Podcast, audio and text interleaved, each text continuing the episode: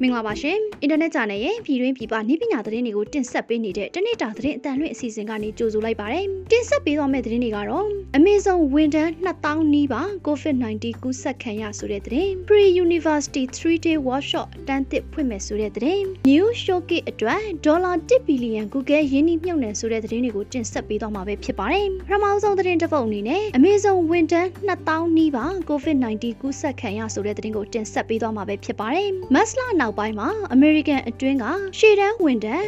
19816ဦး COVID-19 ကူးစက်ခံထားရတယ်လို့ Amazon ကထုတ်ပြန်သွားပါတယ်။ Amazon ရဲ့ကုမ္ပဏီကွယ် Whole Foods ကဝန်ထမ်း1.44ရာခိုင်နှုန်း COVID-19 ကူးစက်ခံထားရပါတယ်။ Amazon ဟာဝန်ထမ်းတွေအလုပ်သမားအဖွဲ့အစည်းနဲ့ရွေးကောက်ခံကိုယ်စားလှယ်တွေရဲ့ဝေဖန်မှုတွေခံနေရပါတယ်။ Amazon ကဝန်ထမ်းတွေရဲ့ကျန်းမာရေးအပေါ်အရေးစွန့်ပြီးတော့အန်တရယ်များအောင်လုပ်နေတယ်လို့သူတို့ကဝေဖန်ထားကြပါတယ်။ဒါပေမဲ့ Amazon ကတော့ယောဂကူးစက်ခံရမှုကထင်ထားတာထက်နည်းပါးပါတယ်လို့တုံ့ပြန်ခဲ့ပါတယ်။နေအိမ်မှာနေထိုင်ရတဲ့ကာလအတွင်း online ကနေဈေးဝယ်မှုမြင့်တက်လာတာကြောင့် Amazon ဟာကက်ယောဂကာလအတွင်းလုပ်ငန်းတွေဆက်လက်ဖွင့်လှစ်ဆောင်ရွက်နေပါတယ်။ Amazon အတွက်အကျိုးအမြတ်လည်းအလွန်များပြားလာပါတယ်။ကမ္ဘာအချမ်းသာဆုံး Amazon တီထောင်သူကပုံမကြွယ်ဝလာပါဦးမယ်။ Amazon ရဲ့ရောင်းအားဟာဇွန်လအကုန်3လအတွင်းဒေါ်လာ88.6ဘီလီယံအထိရှိက40ရာခိုင်နှုန်းတိုးတက်လာပါတယ်။ Amazon 3လပတ်အမြတ်ငွေကဒေါ်လာ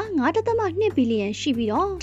1994ခုနှစ်နောက်ပိုင်းမှာအကြီးမားဆုံးအမြတ်ငွေရရှိမှုဖြစ်လာပါတယ်။ဆက်လက်ပြီး Pre University 3-day workshop အတန်းသစ်ဖွင့်မယ်ဆိုတဲ့သတင်းကိုတင်ဆက်ပေးမှာပဲဖြစ်ပါတယ်။ Pre University 3-day workshop အတန်းသစ်ကို American University ဆော့ရန်ကုန်ကနေအောက်တိုဘာလ9ရက်မှာထပ်မံဖွင့်လှစ်သွားမယ်လို့သိရပါတယ်။သင်တန်းမှာအင်္ဂလိပ်စာပျော်ရွှင်စရာလူမှုဆက်ဆံရေးလှုပ်ရှားမှုတွေနဲ့ခေါင်းဆောင်မှုစွမ်းရည်တွေပါဝင်မှာဖြစ်ပြီးတော့နိုင်ငံခြားသားဆရာဆရာမတွေနဲ့ထိတွေ့သင်ယူခွင့်စာတတ်တတ်မဟုတ်တဲ့တက္ကသိုလ်ဘဝကို၃ရက်အတွင်းအစမ်းဖြတ်တန်းရမှာပဲဖြစ်ပါတယ်။သင်တန်းကို virtually online ကနေတဆင့်တက်ရောက်နိုင်မှာဖြစ်ပြီးတော့တည်တက်ပြင်ပလှုပ်ရှားမှုတွေကိုလည်းကျန်းမာရေးနဲ့အားကစားဝန်ကြီးဌာနကနေချမှတ်ထားတဲ့စည်းကမ်းတွေနဲ့ရောညီစွာပြုလုပ်နိုင်မှာပဲဖြစ်ပါတယ်။နိုင်ငံခြားတက္ကသိုလ်တွေမှာပညာသင်ယူဖို့ပြင်ဆင်ကြတဲ့ကျောင်းသူကျောင်းသားများတက်ရောက်တဲ့ workshop တစ်ခုဖြစ်ပြီးတော့ workshop တစ်ခုမှာ15ရောက်တာအများဆုံးလက်ခံမှာဖြစ်ပါတယ်။သင်တန်းကြီးအနေနဲ့ကတော့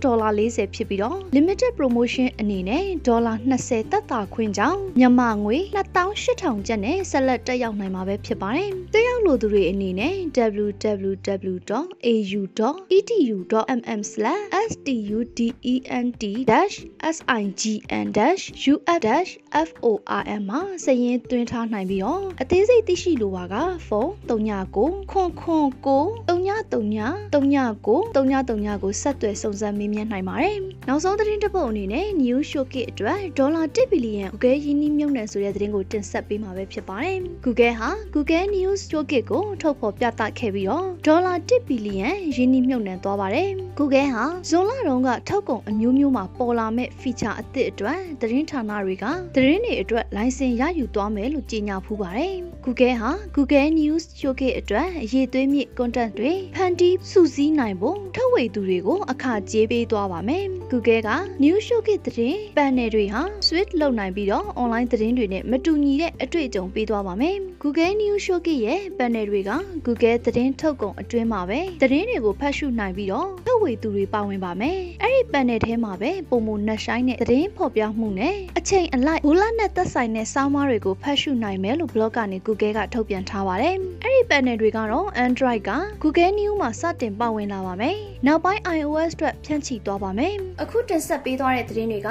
နိုင်ငံတကာနဲ့ပြည်တွင်းမှာရရှိထားတဲ့နည်းပညာသတင်းတွေကိုအင်တာနက်ဂျာနယ်ကနေတင်ဆက်လိုက်တာပဲဖြစ်ပါတယ်။အခုလို COVID-19 ဖြစ်ပေါ်နေတဲ့ကာလမှာပြည်သက်တွေအနေနဲ့လည်းကျန်းမာရေးနဲ့အာကစားဝန်ကြီးဌာနရဲ့လမ်းညွှန်မှုတွေနဲ့အညီလိုက်နာဆောင်ရွက်ခါနေထိုင်သွားလာဖို့တိုက်တွန်းလိုက်ပါတယ်။ကျွန်မကတော့ဝေမြင့်မှုပါ။